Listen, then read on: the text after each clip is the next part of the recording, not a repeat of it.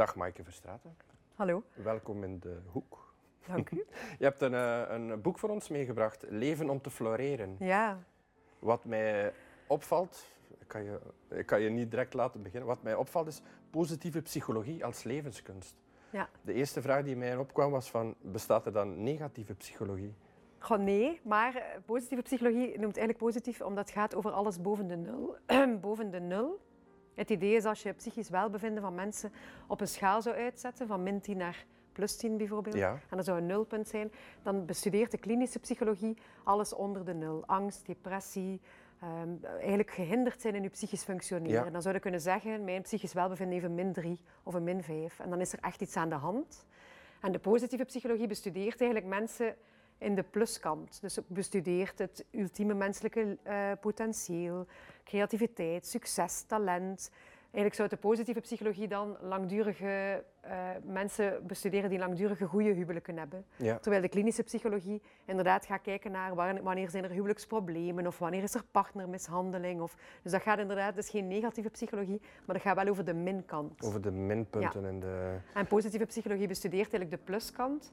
Vanuit het idee trouwens niet dat dat, de, dat dat de beste kant is of zo. Maar het idee is, als we mensen bestuderen die het heel goed hebben, dan kunnen we daar veel van leren. Voor die groep die vindt dat hun leven een 6 krijgt. Of vindt dat hun werk een 5 heeft. Ja. Dan zouden we kunnen leren van mensen die zeggen, oh ja, maar ik geef mijn werk een 8.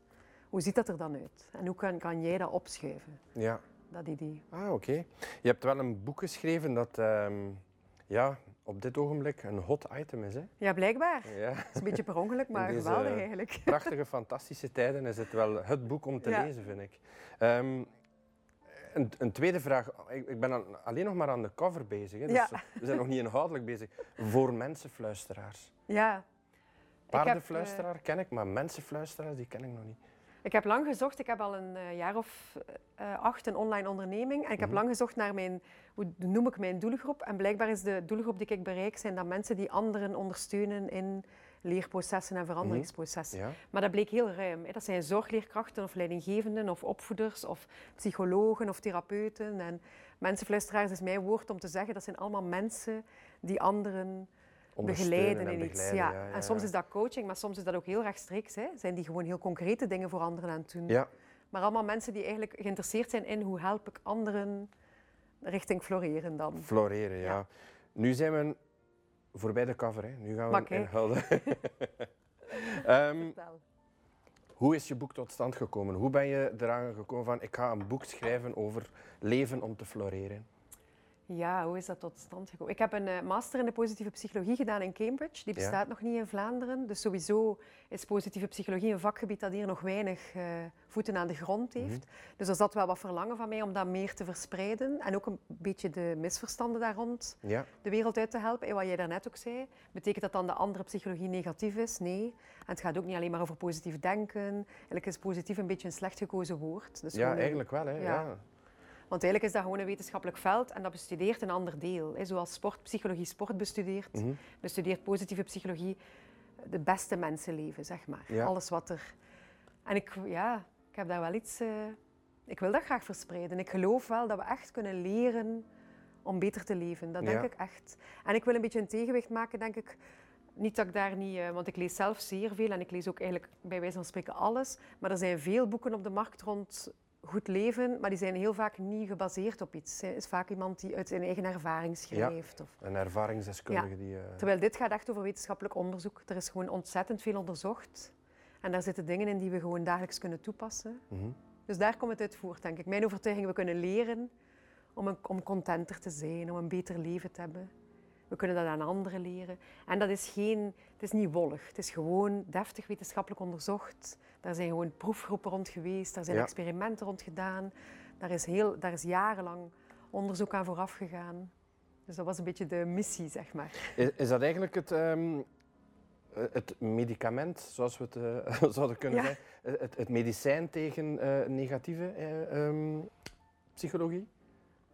Maar ja, er was geen negatieve psychologie. Hè? Ja, dat klopt. Eh, inderdaad. Het medicijn. Ik weet het niet. Ik denk dat, de, dat dat gewoon twee verschillende doelgroepen zijn. Ik heb lang in de hulpverlening gewerkt. Ik ben klinisch psycholoog, ook Ja. oorspronkelijk van opleiding. En ik had het gevoel dat ik mensen wel... Ik denk dat er in de klinische psychologie nu heel veel bestaat om mensen te helpen die echt in de, in de shit zitten. Ja, Als dat een woord is dat ik hier mag gebruiken. absoluut. Er komt geen tuut en een zwart blokje Nee, boven. maar de vraag is, als je dan op nul bent, stel nu dat je een angststoornis hebt en die is er niet meer, wat dan? Heb je dan ook echt een goed leven? Of is er meer een soort sava? En ik had toen het gevoel van, ik kan mensen wel brengen naar die, naar die nul. Er is geen probleem meer, maar dat betekent nog niet dat dat... Dat is niet hetzelfde als ik ben aan het floreren, of ik, ik, ik geniet ervan, of ik ben dagelijks tevreden met wat er is, of dat is toch nog iets anders. Ja. Ja, Dus bij mij zat er inderdaad, is het dan een medicijn? Gewoon nee, want ik denk dat die andere groep, die groep die wij bestuderen in de klinische psychologie, iets anders nodig heeft. ja, ja. Maar ik denk ook dat er een groep mensen is die denkt, eigenlijk is er niks aan de hand en toch, toch zou het beter kunnen zijn dan dit. Ja. Toch is er, ja. Kunnen we dan zeggen dat ze niet gelukkig zijn? Van, Ja. Ik heb wel een, een, een, goed, een goed leven, maar Of niet op elk gebied ja, ik, misschien. ik voel me niet echt gelukkig. Ik zeg dikwijls een steentje in uw schoen. Ja, voilà. Er is zoiets en dat is niet erg, maar het blijft. En je denkt elke keer, oh, ik zou dat like, ja, toch een soort verlangen misschien naar kan het beter Kan of het kan beter? het, ja. Is het eigen aan deze tijd dat mensen echt op zoek zijn naar het geluk? Het is zeker een deel. Positieve psychologie als wetenschap is gestart in 1999, geloof ik. En dat is geen, natuurlijk geen wonder. Hè. Op dat moment hadden wij een samenleving die heel lang vrede kende, die eigenlijk veel welvaart heeft. Dus in principe kan je zien bij ons dat de basisbehoeften in orde zijn. Dus ja, we het is- hebben alles. Hè. Ja. We kunnen niet zeggen dat er... Nee, Nee, er zijn geen, we hebben geen oorlog Ja, voilà, meer. we we hebben- moeten niet angstig zijn. We zitten... Dus het is, geen, het is niet raar, denk ik, dat op dat moment pas komt. Dat er op dat moment pas een groep is die denkt, ja, en nu?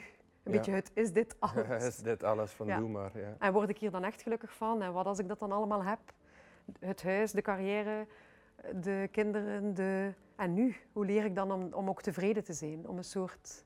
Hoe doe je dat eigenlijk? Want nee, dat is zo eh, eh, een, een hele gekke vraag natuurlijk. Maar als je alles hebt en je hebt alles om gelukkig te zijn en je bent eigenlijk niet gelukkig, Ja. hoe begin je daaraan? Daar gaat dat eigenlijk over in Ja, dat boek. voilà, dat- Er zitten twee elementen in. Er zit een deel in rond ehm, hoe doe je dat nu met jezelf. Mhm. Er zijn zeven elementen die onderzochte eh, ehm, hoe zeg je dat dan, aspecten zijn die florerende mensen bezitten in hun leven. Daar zit onder andere zelfacceptatie in. Jezelf de toestemming geven om gewoon goed genoeg te zijn. te zijn. Ja. Om een maar een mens te zijn, om dingen wel te kunnen en niet te kunnen. Dus dat is een deel daarvan. Eh, persoonlijke groei is een belangrijk element. Dus blijven leren en blijven veranderen is blijkbaar belangrijk om je content te voelen. Blijkbaar zijn we niet zo tevreden als we het gevoel hebben dat we blijven stilstaan. Er zit een soort verlangen in de mens naar, ja, vooruitgang. Hè. Ja. naar leren en nieuw en verandering Mhm. en bezig zijn. Eh, meesterschap is een belangrijk element. Het gevoel dat je iets te bieden hebt, dat je ergens goed in bent. Ah ja, oké, dat is ook... ah, Ja, dat die wist zit niet. erin. Betekenisvol leven is een belangrijk element. Blijkbaar zijn mensen gelukkiger of tevredener als ze het gevoel hebben dat ze van betekenis zijn. Ja. Zelfs groepen, en dat is wel heel fijn in onderzoek om te zien, zelfs groepen die van oudsher veel hulp krijgen, denk maar aan bejaarden, of, Ja. blijken eigenlijk beter te functioneren, psychisch gezien, als ze hulp mogen geven. Ah ja. Dus als mensen hen nodig hebben, als ze op een of andere manier een rol kunnen spelen, blijkbaar is dat een heel essentieel element. Ah. En daar gaat het tweede deel van dat boek ook een stuk over. Blijkbaar is het voor mensen heel erg nodig om van belang te zijn voor anderen, om iets goeds te doen. En dus inderdaad, het allemaal hebben bereikt kan u het gevoel geven van een soort leegte. Ja. Terwijl elke dag iets gaan doen waar je het gevoel van hebt van, oh, ik, dit is een, mijn unieke bijdrage, zeg maar, aan, ja, weet ik veel, het leven, de wereld. Dat is blijkbaar een vervullender pad dan, Dan- ja, het voortdurend verwerven Ja. van meer. Komt het ook een gedeelte door de maatschappij waar wij in leven? Want de, de laatste jaren voor corona is de, algemeen de werkdruk, weten we allemaal, is de Ja. werkdruk zeer groot, zeer hoog. Ehm, je verdient wel meer, je hebt wel meer alles, maar het, het geluk ontbreekt Ja. op alle vlakken dan. Hè? Goh ja, misschien wel. Hè. We zien wel alleszins dat een aantal van die elementen, bijvoorbeeld po- positieve relaties is een belangrijk element, en dat komt heel erg onder druk te staan hè, als er Mhm, weinig tijd ja. is. Dus het klopt wel dat als we te veel tijd geven, weet je, tijd en aandacht is een eindige bron. Dus als je die geeft aan je werk of aan geld verdienen of aan je smartphone, of aan, dan is het weg. Je krijgt het niet terug, hè. heb het maar één keer. Ja, klopt. En het is letterlijk zo, en dat zijn super fascinerende onderzoeken, ik word er altijd blij van, dat bijvoorbeeld het verschil tussen duurzame, goede, positieve relaties en relaties waarin veel conflict is bijvoorbeeld, of veel vijandigheid, is letterlijk dat mensen die het goed hebben samen drie à vier uur meer tijd samen doorbrengen per week. Zo concreet kunt het maken. Hè? En dan denk je natuurlijk, Want hoe meer tijd dat je hebt, hoe meer met aandacht dat je samen bent, hoe beter het werkt. Ja, het lijkt zo vanzelfsprekend, Ja, maar toch? maar heel veel van die dingen zijn ongelooflijk vanzelfsprekend. Ja. Maar als onderzoek dat dan toont, voor mij is dat wel een... ehm, het geeft wel een soort mandaat. Hè? Ja. Dan mag je ervoor kiezen. Dan mag je zeggen, kijk, het is niet iets dat ik zomaar voel. Er is hier echt ja, gedegen onderzoek naar gedaan. ja, Dat dat werkt, dat dat is wat we nodig hebben. Dat helpt toch? Ja, maar dat zou wel zijn. Ehm, een andere vraag die bij mij opkomt als, als we het boek bekijken, is, is het ook, zijn we minder gelukkig door al die enorm veel prikkels die we krijgen? Je hebt ja, je smartphone, dat is, dat is je, je broer, je zus, je partner, dat is Ja. alles geworden hè, bij sommige mensen. Je ziet zelfs mensen, als we dan op terras mogen of een restaurant mogen doen, dan zitten die recht tegenover elkaar gewoon een hele avond. Die Ja. eten en die gaan dan terug weer op, op een nieuwe partner, zou ik bijna zeggen. Zou kunnen, hè? Het- Er is een deel rond die overprikkeling. Daar heb ik niet echt over geschreven. Daar ben ik, dat is misschien het volgende dan. Maar Oh. ik ben daar de laatste tijd wel veel mee bezig. Vooral neurologisch dan. Hè. Wat gebeurt er met ons brein als we zoveel prikkels krijgen? Mhm. En hoe, ja, hoe maak, wat maakt er dat wij daar toch moeilijk... En Je ziet veel stress- en spanningsklachten. En die hebben ook te maken met het feit dat we nooit meer echt uit zijn. Ja, ook wij zijn altijd aan. Niet alleen onze telefoon. online. hè. We zijn Ja. echt letterlijk online. Ja, 24 eigenlijk wel, uur, ja, hè? En we zien dus dat er een aantal dingen niet meer... We komen niet meer in dat... De, dat heet dan het parasympathisch en het orthosympathisch zenuwstelsel. En dat die, het, we komen niet meer in die toestand van rust. Rust. Ja. Ja. Dus daar zit zeker iets in.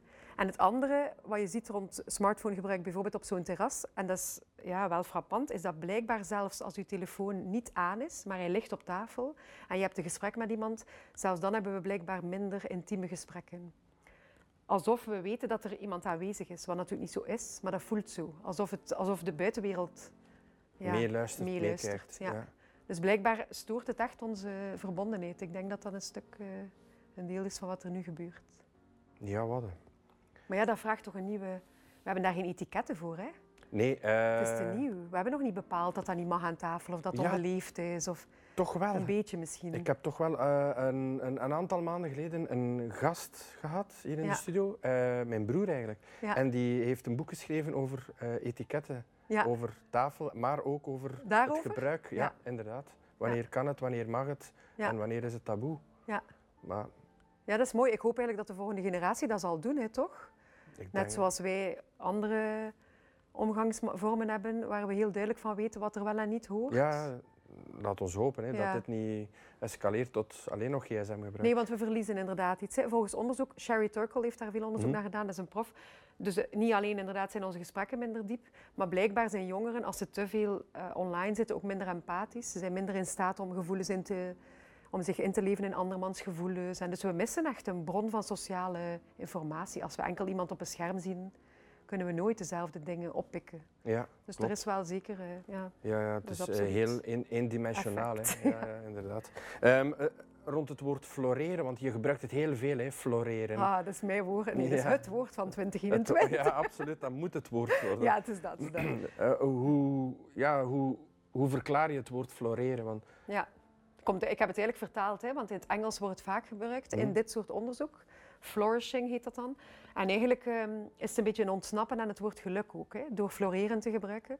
Want je zou kunnen zeggen, en dat is ook iets waar het in het boek vaak over gaat, floreren is dat alles er mag zijn.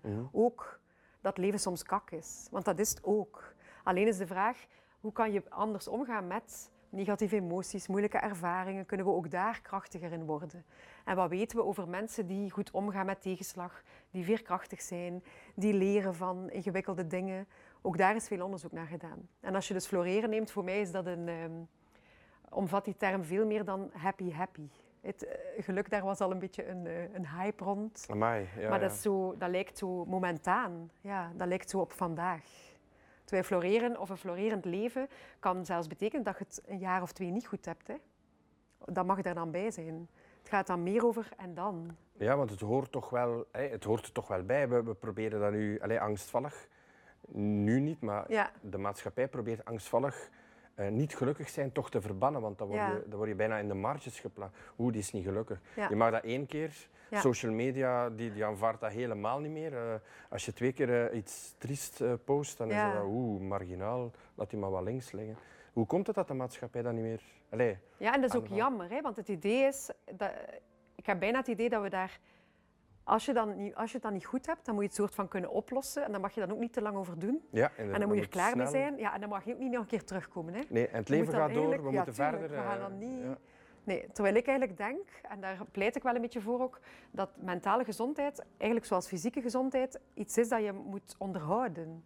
Net zoals je naar de fitness gaat of sport of gezond eet, of dat doe je ook niet een week hè, of één jaar en dan voor de rest van je leven klaar. Nee, het is een continue... Ja, voor mij is psychisch welbevinden ook zo eentje.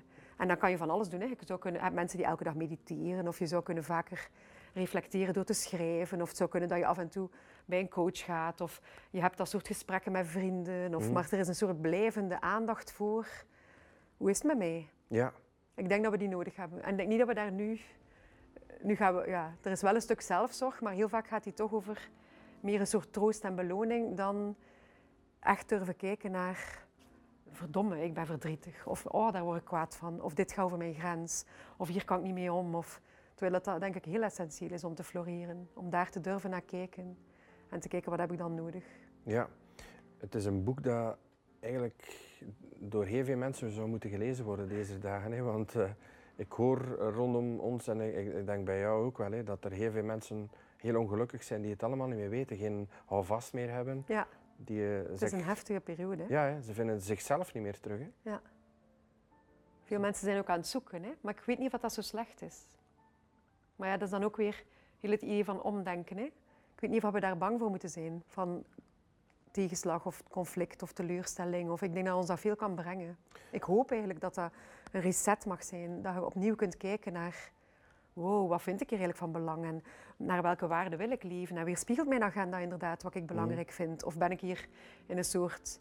Hoe noemen we dat dan? De rat race. De rat In een, race, in een, in een overdrijf. ja, of bijna letterlijk zo'n hamsterrad aan het Ja, rondlopen. Hè? Naar het volgende en dan weer denken, ah nee, nee, dat is niet genoeg. En nou, nog iets. En hè, misschien moet ik... Ja. Nee, toch. Maatschappij draaide wel voor corona de laatste jaren in overdrijven. Dat gevoel had ik wel. Ja, heel veel mensen hè, die zeiden van, ik kon dat tempo gewoon niet meer aan. Dat Ja. ging zo snel, zo hard.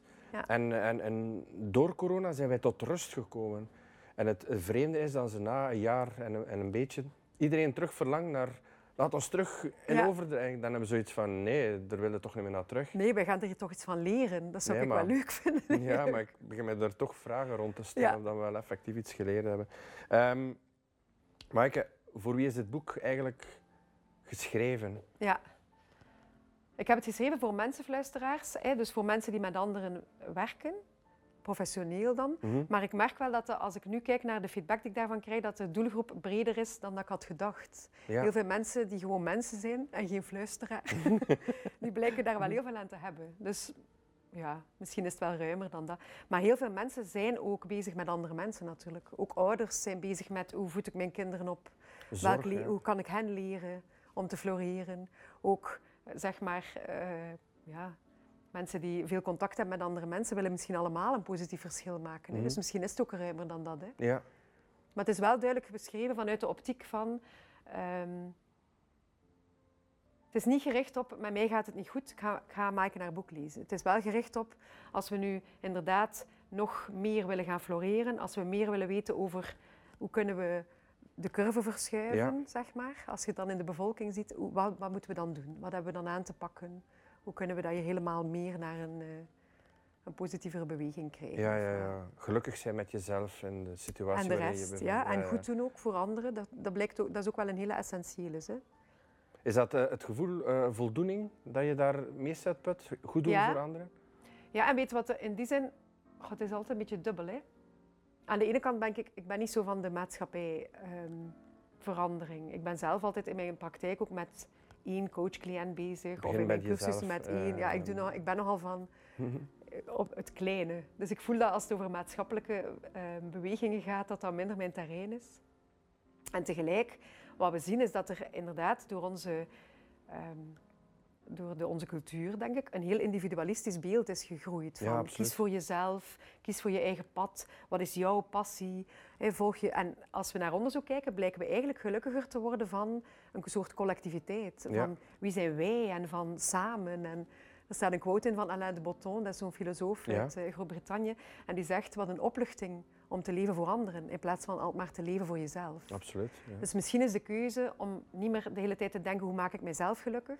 Maar om veel meer te weten, ah, blijkbaar word ik gelukkig van anderen gelukkig maken. Om dan maar zo ehm, Ja. kort door de bocht te stellen. Wel goed om te weten, hè? ja, absoluut. Ja. Want ik krijg heel veel cliënten inderdaad letterlijk in mijn praktijk en die zeggen dan ja, ehm, ik weet nu nog niet wat ik wil. Want, want ja, ik heb dan een gezin of ik heb een werk of ik heb een job en dat doe ik allemaal heel graag. En als ik dan alleen thuis ben, dan weet ik eigenlijk niet wat mijn passie is. Terwijl het, het verschil maken voor anderen op zich toch een heel vervullende manier van leven Ja, is. absoluut. Is er ergens in, in, in de loop der jaren een synthetische illusie gecreëerd van het eh, ideale, het summum van het geluk? Ja, Waar kunnen, mensen zich constant naar spiegelen en zeggen van dit, dit wil ik, dit wil ik bereiken, terwijl dat het eigenlijk helemaal niet realistisch is. En ook mag ik heel eh, Ja, ga voluit. ga voluit. Ik denk ook, als ik naar reclame kijk, ik kijk niet zo vaak naar reclame, maar als je naar marketing kijkt, zo letterlijk, dan gaat dat vaak over essentiële verlangens van mensen. Bijvoorbeeld zo'n reclame over ehm, kaas in Frankrijk. Dan zie je een tafel, vrienden, lachen, samen, zomer. Dus de verlangens die daarachter zitten, zijn echt onze verlangens. We willen verbonden zijn, veilig zijn, mensen om ons heen hebben. We willen op een of andere manier De samenleven. warmte, ja. Alleen is de kaas niet de manier om dat dan te bereiken. Nee, Ja. nee, nee, dat Dus, klopt. dus de boodschap die dan komt, maar eigenlijk is de kern vaak, klopt die? De kern is, je wil met je gezin ergens naartoe. De kern is, je wil vriendjes van je kinderen kunnen meepakken. Alleen is de oplossing, namelijk koop een grote auto, niet per se de juiste oplossing. situatie. Dus dat zou kunnen, dat, dat we ons jaren hebben gespiegeld aan verlangens die eigenlijk onze menselijke verlangens zijn. Alleen is de vraag, hebben we niet de verkeerde oplossingen gekozen? Ja. Door minder van, of meer van elkaar weg te gaan en ons meer te richten op individuele, hé, wat is dat dan? Status, macht, invloed, carrière, geld. Ehm, Ja, het gaat ver. Hè. Zelfs eh, ideale partner, Ja. ideale job, ideale huis, ideale kinderen. Ja. Alles moet top, top zijn. Hè. en daar dan nooit zijn, hè? Nee. Bij die ideale partner en die Nee, ideale kinderen. Die en hebben het dat veel te druk. huis, toch? Zoiets, want er moet zoveel. Ja, inderdaad. Ja. Ehm, even terugkeren naar het boek. Hè. Allee. Inhoudelijk in het boek. Hoe is het boek eigenlijk opgesteld? Ja, Hoe heb je het zitten, ingedeeld? eh, ja, er zitten twee grote delen in. ehm, being good en doing good. En heel het basisidee daarvan is, als, als het goed gaat met jou, dan ben je ook beter voor de wereld. Er is Mhm. ook veel onderzoek dat dat laat zien, dat florerende mensen een positief verschil maken in de maatschappij. En omgekeerd, wat ik daarnet zei, als je goed doet voor anderen, dan blijk je daar ook gelukkiger van te worden. Dus Ja. die twee poten zitten erin. Van, dat zijn hier twee vleugels van een vogel. Als je echt hoog wil vliegen, heb je ze allebei nodig Ja. goed gaan met jezelf en goed doen voor anderen. Dus dat zijn de twee grote hoofdstukken. En dan zitten er in elk van die hoofdstukken zeven elementen. Dus zeven elementen van het goed hebben en zeven elementen van het goede doen, zeg maar, die ehm, uitgewerkt zijn. Zeven manieren om dat aan te pakken. ja. Dat is de opbouw. Het leest vlot en het leest snel. Hè. Ja, blijkbaar hè. Ja. Jammer hè. Ik steek daar al dat werk in en Ja, dan lees het al- zo snel. Al die jaren opzoeking, al dat jaren Ja. opzoekingswerk en dan lezen ze dat op een paar Dan uur. lezen mensen dat in een weekend. Dus het is wel dat je- eigenlijk. Dat je eigenlijk een beetje verplicht bent een veel dikker en veel zwaarder denk boek het. te Veel moeilijker. Ehm, was je eerste boek hè, dat Ja. je ooit geschreven hebt? Ja. En ik vraag dat bijna aan iedere auteur. Hè. Van waar die kriebel? Dat je zegt van, ik wil... Ik wil een altijd al, hè. Maar ik heb wel lang gezocht naar wat dan... Ik denk dat ik vanaf het eerste leerjaar, als ik kon schrijven, graag wou schrijven. een boek wou schrijven. Ja, en ik lees zelf heel veel en als kind ook al. Alleen is dat geëvolueerd. Eerst wou ik gewoon Roald Dahl worden, hè, of de nieuwe Astrid Lindgren Ja. of zo. Maar blijkbaar kan ik niet zo goed Verhalen. verhalen verzinnen. wel vertellen, denk ik. Er staan veel verhalen in, maar die gaan dan over mensen. Ja, over wat ik zie en wat ik meegemaakt Ja. heb. Niet zo een, een fantasiestuk. Maar ik heb dat ook lang gedacht. Hè. Daarna dacht ik, oh, ik word romanschrijfster. Of... Maar blijkbaar was dat niet het pad. Hè. Hoe ben maar je het dan, schrijven op zich heb ik altijd heel leuk gevonden. Ah ja, dat zit er zeker in. Hoe ben je dan eigenlijk tot dit onderwerp gekomen? Want ja, je hebt zoveel paden die je kan bewandelen. Hè? Ja. Ik heb psychologie gestudeerd. Ik heb dan zelf tien jaar in de hulpverlening gewerkt. Ik heb dan een burn-out gedaan. En mij afgevraagd, gedaan, noemt dat gedaan, gekregen. Ge- Maakt niet uit, ja, gekregen. Het is geen mooi cadeau dat je Beetje, krijgt. achteraf Ja. gezien wel. Achteraf. Op dat moment niet zo. Maar... en ben ik me inderdaad gaan afvragen van waar loop ik zo op vast. En dan ben ik voor het eerst met die wetenschap van positieve psychologie in aanraking gekomen. Op zoek gegaan naar mijn talenten. Want wat als ik nu... Ik was heel gepassioneerd door mijn job, maar blijkbaar deed ik daar een heleboel dingen waar ik geen energie van kreeg. Ja. Dus heel erg op zoek gegaan naar wat gaat er voor mij moeiteloos, wat past er nu echt, wat heb ik nodig. En dan bleek daar een heel wetenschappelijk eh, vakgebied te zijn. Dat wist ik niet, die positieve psychologie. Dus ik denk dat ik dat nu 15 jaar weet of zo. En dan ben ik mij daarin gaan smijten. Ja, ik leer ook graag. Ik vind dat gewoon heel fijn. Mhm.